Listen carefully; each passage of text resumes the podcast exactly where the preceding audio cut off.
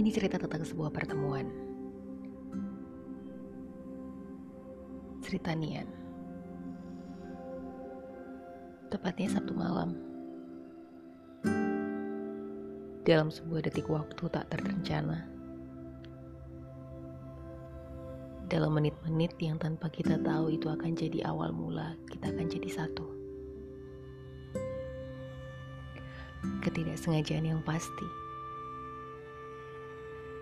seolah memberikan hak pada waktu untuk membasuh pilu menahun antara kau dan aku. Ya,